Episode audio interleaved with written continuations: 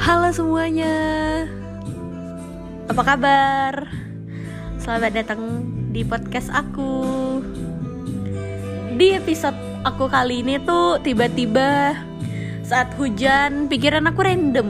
Berbicara Ingin berbicara tentang Bisa dibilang belajar ya Sekalian belajar tentang hal-hal yang sempat menarik perhatian aku di TikTok. Ya ada dua hal sih sebenarnya mungkin kalau kalian yang main TikTok kalian tahu tentang artis-artis TikTok selebgramnya TikTok yang bisa dibilang apa ya kaya gitu. Wah ini kalau udah ngomongin artis TikTok yang kaya tuh langsung kepikiran siapa sih ini kalian? Dan sama ada maaf nih ya aku lupa siapa namanya Clarissa.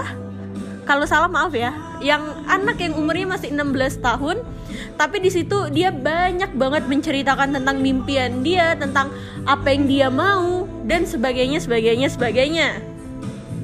Nah yang ngebuat aku tertarik banget ngebahas karena menurut aku dari hal yang kita lihat itu ada sisi yang lain gitu.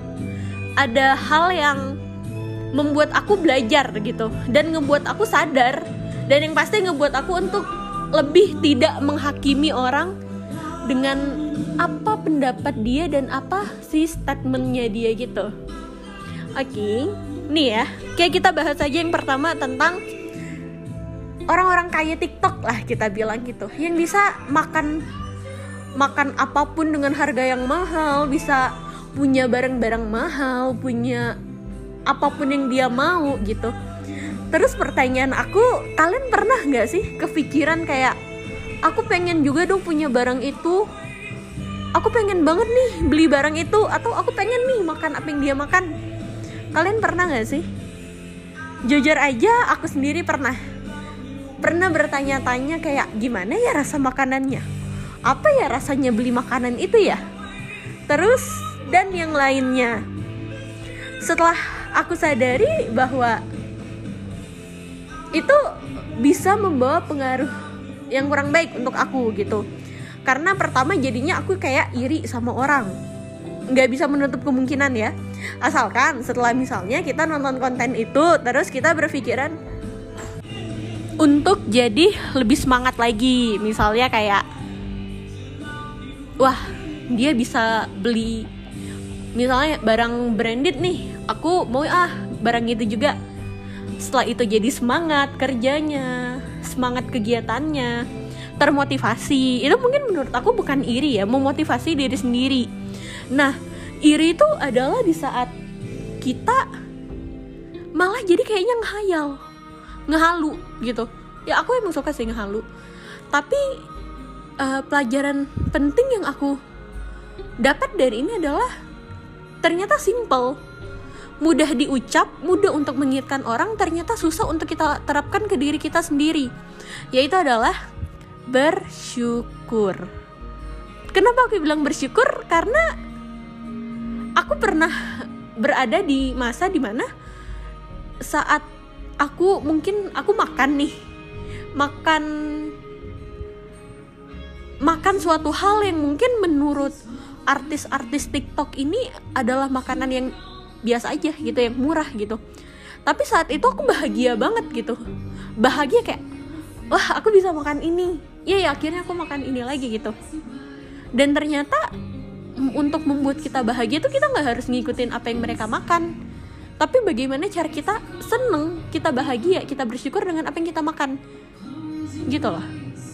Karena yang harus kita ingat adalah bahwa masih banyak orang yang nggak bisa makan gitu. Ibaratnya kayak roti deh. Mungkin kalian nganggap ini hanya sebuah roti.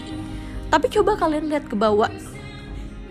Itu sebuah roti buat mereka gitu. Itu adalah roti.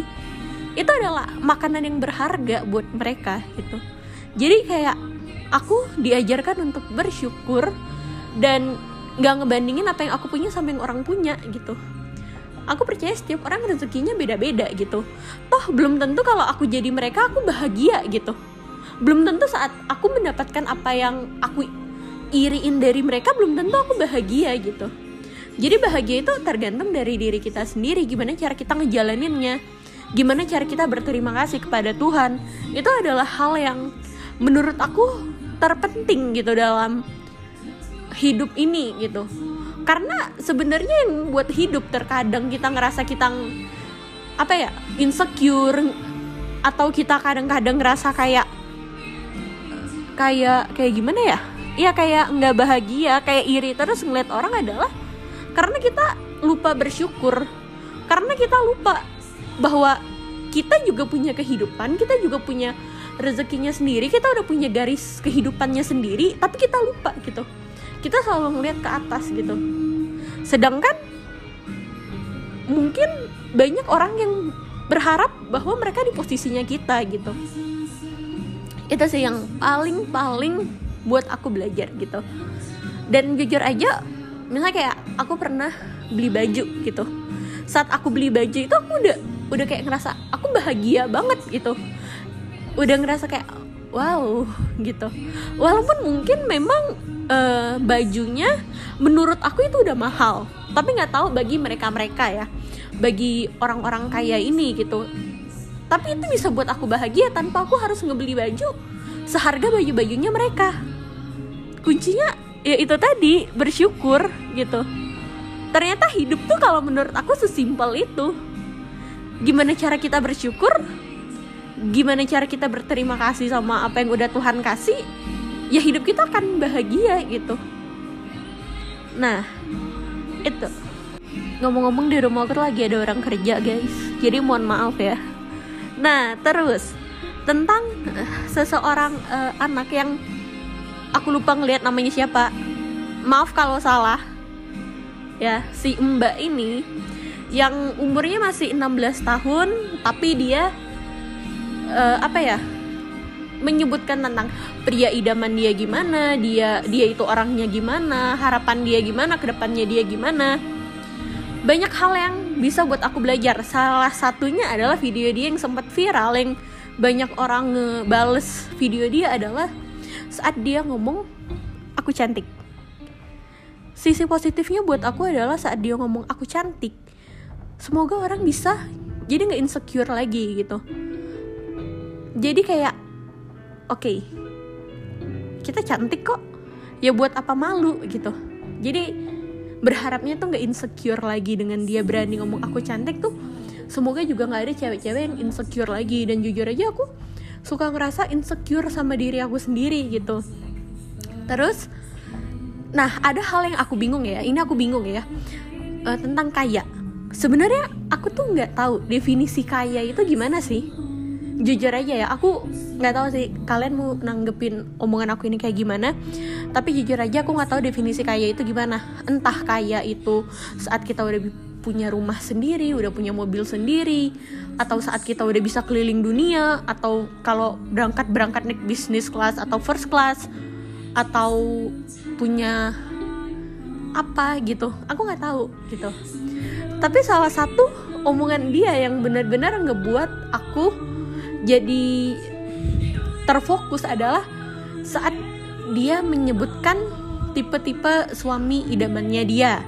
Banyak banget orang yang apa ya banyak orang yang cukup menghujat bilang kayak aduh itu spek Nabila inilah itulah gitu. Dari semua banyak tipe yang dia sebutin yang paling menarik perhatian aku adalah dia pengen punya pasangan yang kaya aku nggak bisa ngejudge dia ngehakimin dia pada saat karena pada saat aku seumuran dia aku umur 16 tahun aku berpikiran bahwa aku pengen dia punya suami kaya. Tapi semakin aku bertambah umur semakin aku ngejalanin hidup bahwa aku sadar yang aku cari dalam sebuah pernikahan yang aku cari dari sebuah pasangan bukan kayaknya gitu. Oh kalau kita nikah kita punya rezeki sendiri. Anak kita punya anak kita punya rezekinya sendiri.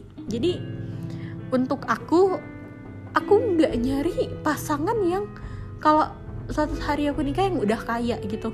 Yuk kita mulai bareng-bareng nggak apa-apa. Asalkan jangan dari ajak nikah udah ngajakin susah. Asalkan kalau dia ngomong ajak nikah kita mulai bareng-bareng ayo gitu. Tapi kalau nikah ngajakin susah ya mohon maaf sih aku juga nggak mau gitu. Dan juga dia pernah bilang bahwa banyak orang yang lamar dia tapi dia tolak menurut aku wajar-wajar aja sih karena dalam hukum negara pun umur 16 tahun tuh belum sah untuk menikah gitu.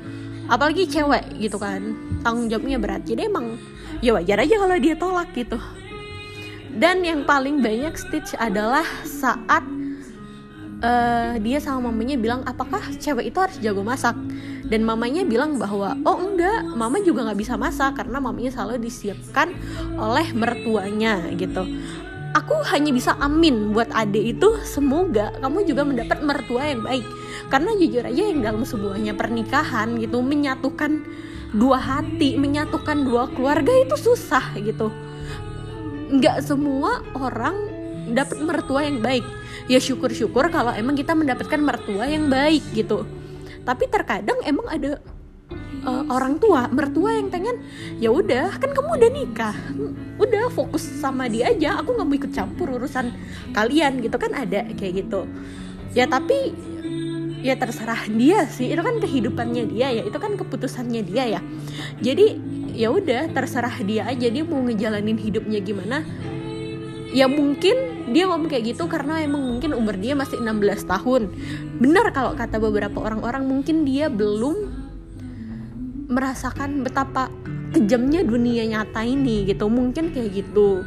Atau mungkin juga uh, memang itu pemikirannya dia itu yang dia mau atau mungkin kayak dia dikasih tahu sama orang sekitarnya kan kita nggak tahu ya.